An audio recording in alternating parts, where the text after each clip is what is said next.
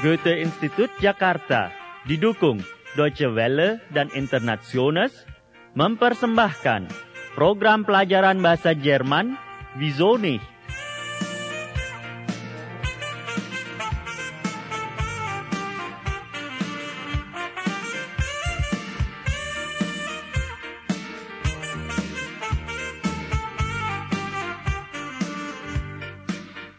Liebe Hörerinnen, liebe Hörer, schön, dass Sie heute wieder zuhören.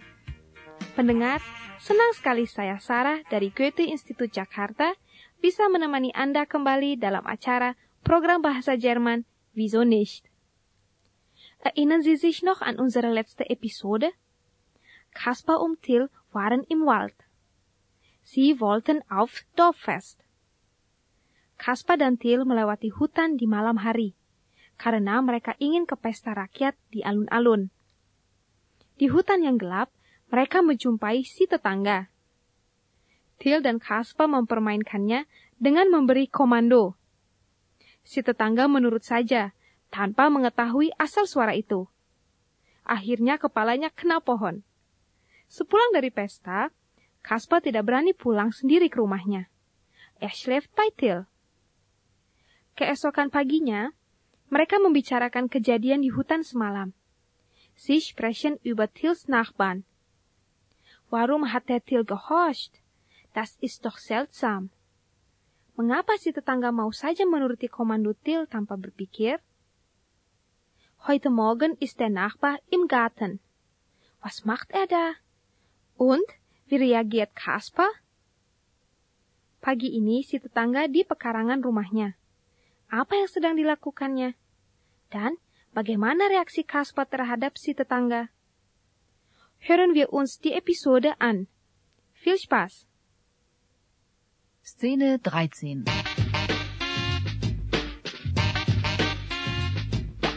Der Morgen danach oder wie Kaspar wütend wurde.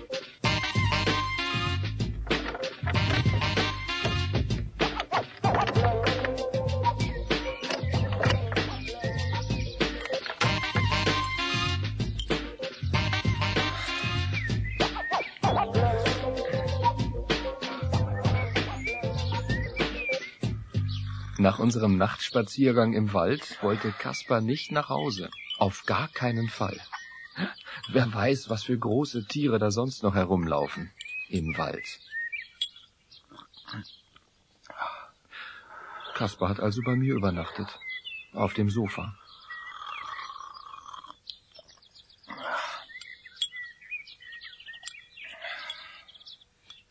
Gehen wir in den Wald, Till. Dann sehen wir die Tiere, die wir in der Nacht nur gehört haben. Nein, das glaube ich nicht. Nachtaktive Tiere schlafen am Tag.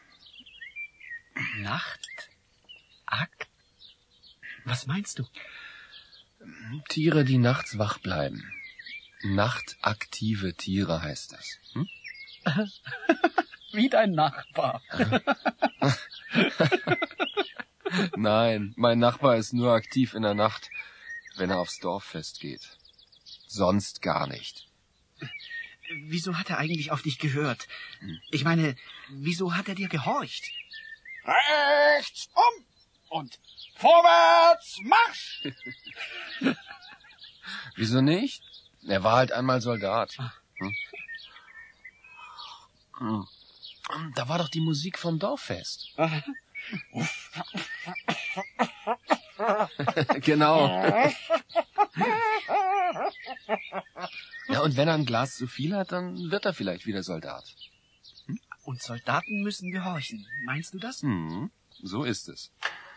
Till, er ist im Garten. Ah. Und er hat schon wieder einen Verband um den Kopf. Los, gehen wir raus.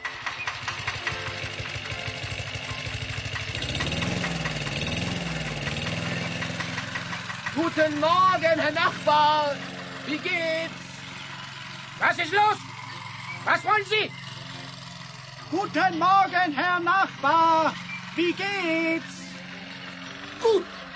Mir geht's gut. Aber, aber der Verband am Kopf, wieso haben Sie denn wieder... Ich habe gesagt, mir geht's gut. Wieso mähen Sie schon wieder Ihren Rasen? Sie haben ihn doch erst vorgestern gemäht. Ich mähe meinen Rasen, wann es mir passt. Ich will meinen Rasen kurz. Wenn Sie nichts dagegen haben. Äh, Die Blumen haben etwas dagegen. Wenn Sie dauernd Ihren Rasen mähen, können die Blumen gar nicht wachsen. Blumen? Hm? Blumen? In meinem englischen Rasen? Der ist nicht ganz richtig. Im Kopf? hä? Hören Sie auf! Hören Sie endlich auf! Sie sind nicht ganz richtig im Kopf. Was? Sie haben doch ständig einen Verband am Kopf, nicht ich. Komm, Kaspar, wir gehen. Gehen wir angeln? Oder gehen wir im Wald spazieren? Gehen Sie zum Teufel! Äh. So ein Blödsinn. Ist ja nicht ganz richtig im Kopf, der Kasper.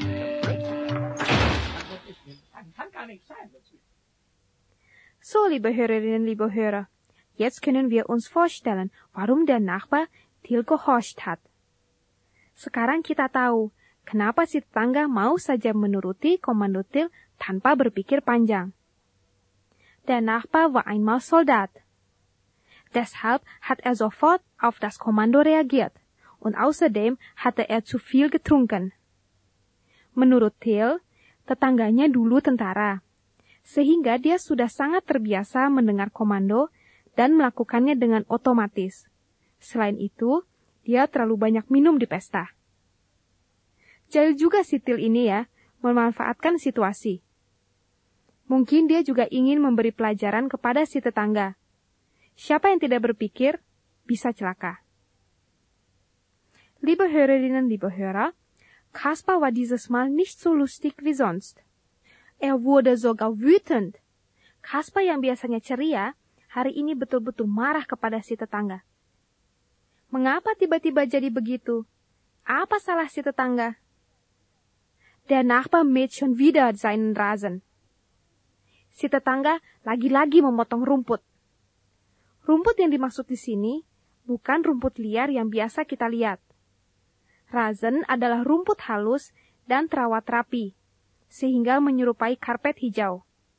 Rumput itu namanya Englischer Rasen. Kasper tidak suka kalau si tetangga terlalu sering memotong rumputnya. Memangnya kenapa? Apakah dia mau mencari gara-gara? Ternyata tidak. Dia hanya kasihan karena bunga-bunga tidak bisa tumbuh kalau rumput terlalu sering dipotong. Tetapi pandangan si tetangga berbeda. Menurutnya segala sesuatu harus rapi, tertib, dan teratur, termasuk juga rumput. Bagi dia, bunga-bunga yang liar tidak boleh tumbuh di antara rumput sejenis ini. Hal itu membuat Kasper marah dan saling menuduh. Der ist nicht ganz richtig im Kopf.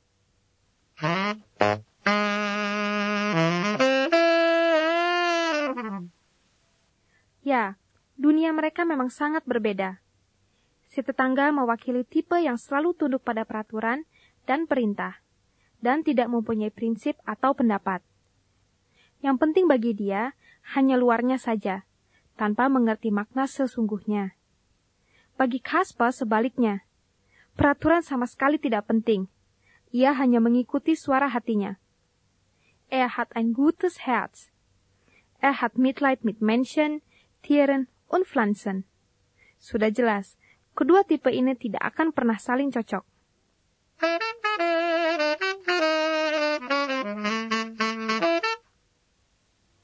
Pendengar, ya begitulah kehidupan bertetangga.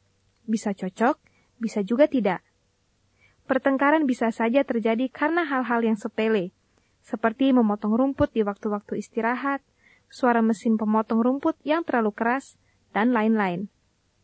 Di Jerman, memotong rumput biasanya dilakukan di waktu senggang, terutama di akhir pekan pada hari Sabtu.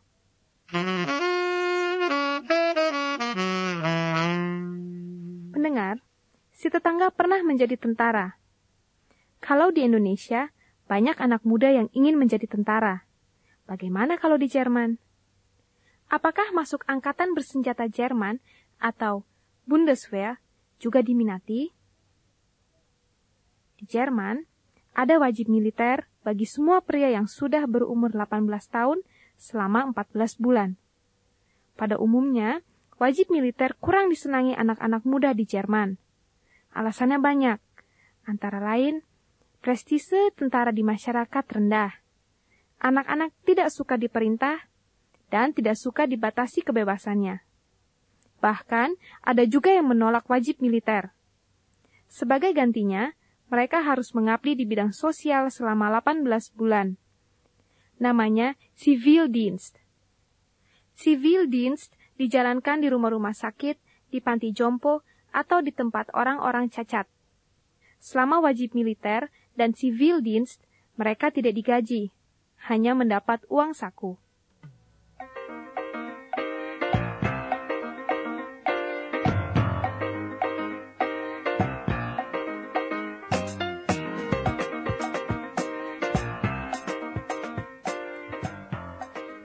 Pendengar, kita telah mengenal lebih jauh kehidupan bertetangga di Jerman. Perbedaan sifat dan pandangan bisa menentukan baik tidaknya hubungan antara tetangga. Dan kita telah melihat betapa pentingnya arti pekarangan dan razen bagi orang Jerman. Selain itu, kita mendapat informasi tentang wajib militer dan civil dienst.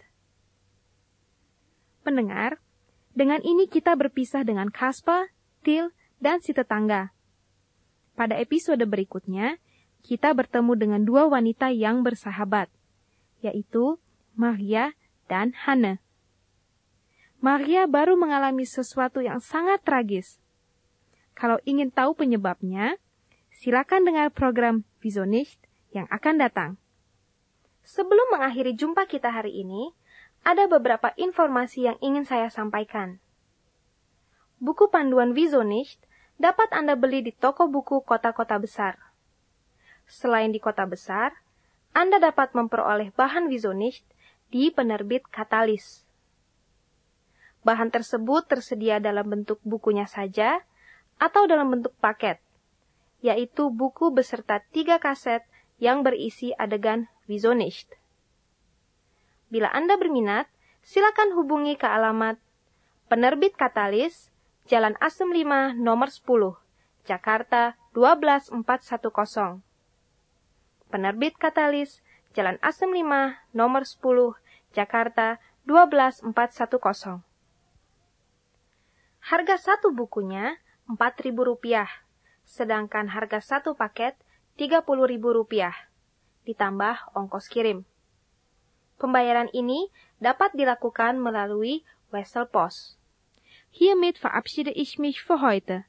Vielen Dank fürs Zuhören und bis zur nächsten Sendung. Ihre Sarah.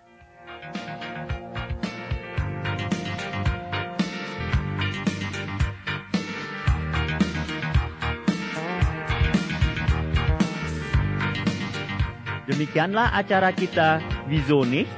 Suatu program pelajaran bahasa Jerman yang diproduksi Goethe Institut Jakarta didukung oleh Deutsche Welle dan Internationals.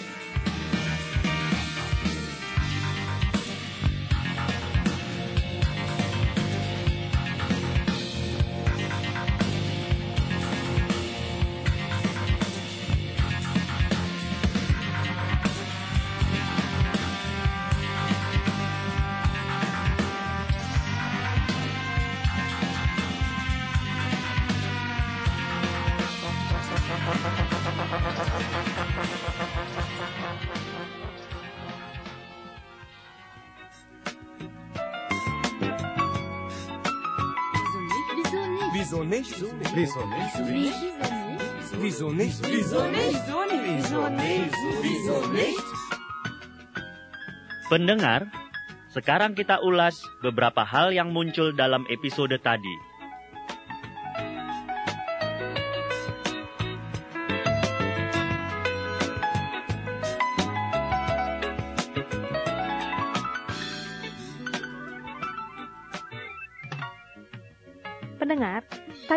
Mendengarkan Kaspa bertanya, Wieso hat er eigentlich auf dich gehört? Wieso hat er eigentlich auf dich gehört? Wieso hat er dir gehorcht? Wieso hat er dir gehorcht? Wieso mähen Sie schon wieder den Rasen?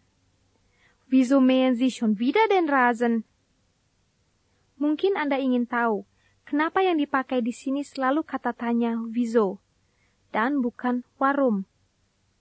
Wieso lebih sering digunakan kalau rasa ingin tahu kita besar dan kita ingin mendapat jawaban. Di samping kata tanya wieso dan warum, ada juga weshalb untuk menanyakan alasan. Tetapi kata tanya weshalb tidak begitu sering digunakan. Wieso hat er eigentlich auf dich gehört? Ich meine, wieso hat er dir gehorcht? Rechts um und vorwärts Marsch! Wieso nicht? Er war halt einmal Soldat.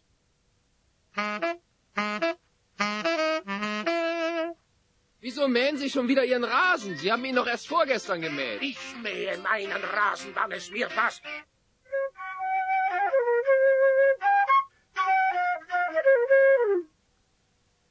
Dalam bahasa Jerman, ada pertanyaan yang dimulai dengan kata tanya seperti wieso, warum, atau seperti yang Anda sudah kenal, wer, was, wen, wie, wo, wann, dan lain-lain.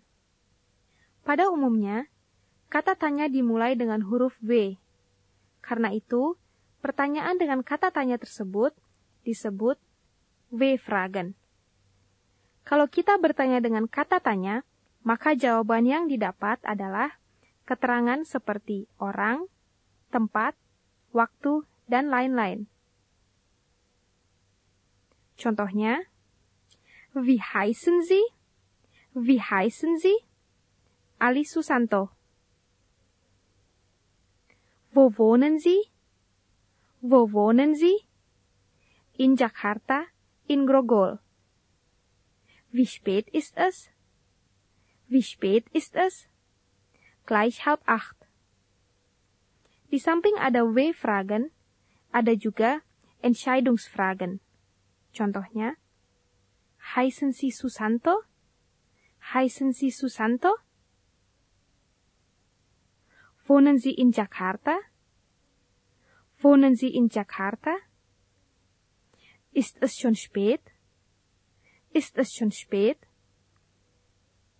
Berbeda dengan W-Fragen, Entscheidungsfragen tidak dimulai dengan kata tanya, melainkan dengan kata kerja. Dan jawabannya ya atau tidak. Gehen wir angeln? Oder gehen wir im Wald spazieren?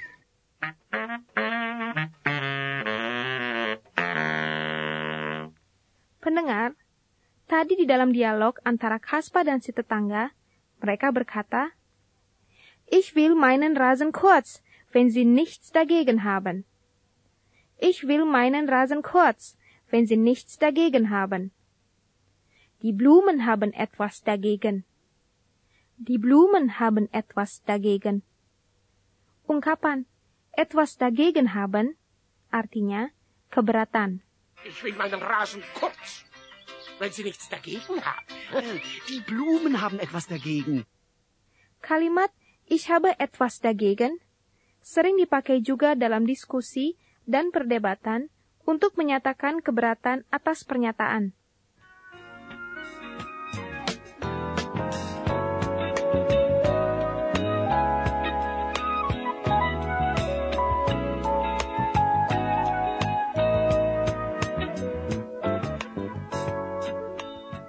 Sampai di sini dulu ulasan kita hari ini.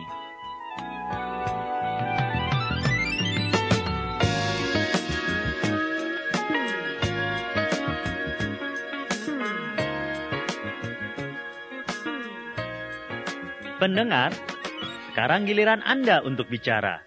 Setiap kalimat yang Anda dengar, Anda diberi waktu untuk mengulanginya. Jetzt sind Sie dran.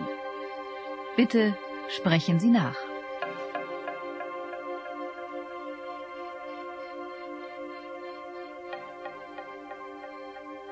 Gehen wir in den Wald, Till.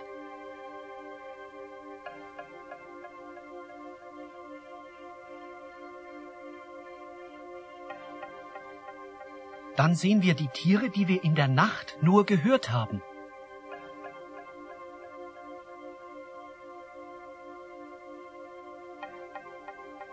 Nein, das glaube ich nicht.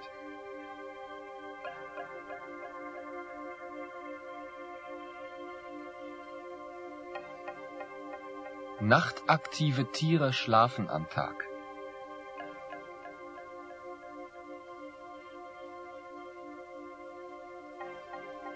Nachtaktiv? Was bedeutet das?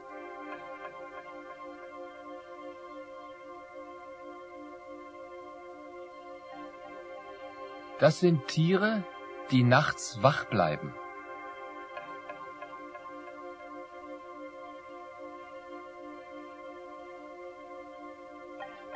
Wieso hat er eigentlich auf dich gehört, der Nachbar?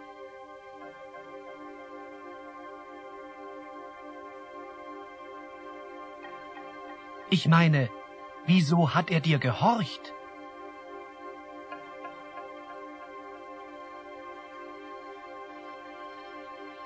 Wieso nicht? Er war halt einmal Soldat.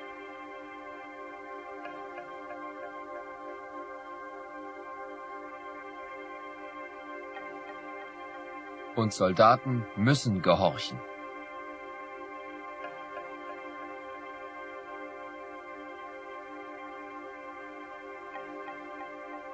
Wieso mähen Sie schon wieder Ihren Rasen?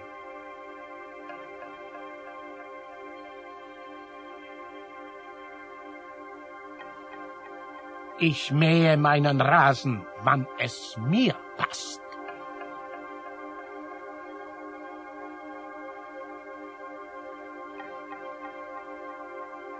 Sie haben ihn doch erst vorgestern gemäht.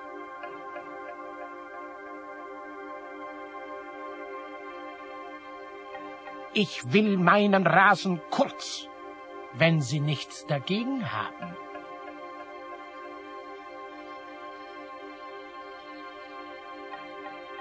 Wenn Sie dauernd Ihren Rasen mähen, können die Blumen gar nicht wachsen.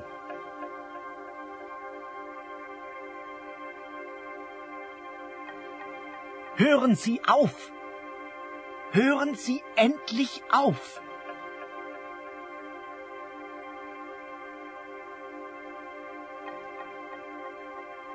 Sie sind nicht ganz richtig im Kopf.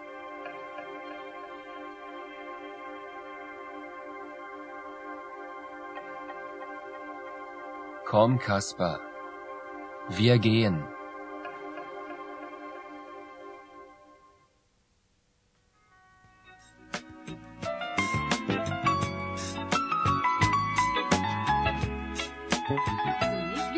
Wieso nicht? Wieso nicht? Wieso nicht? Wieso nicht? Wieso nicht? Wieso nicht? Wieso nicht? Wieso nicht? Wieso nicht?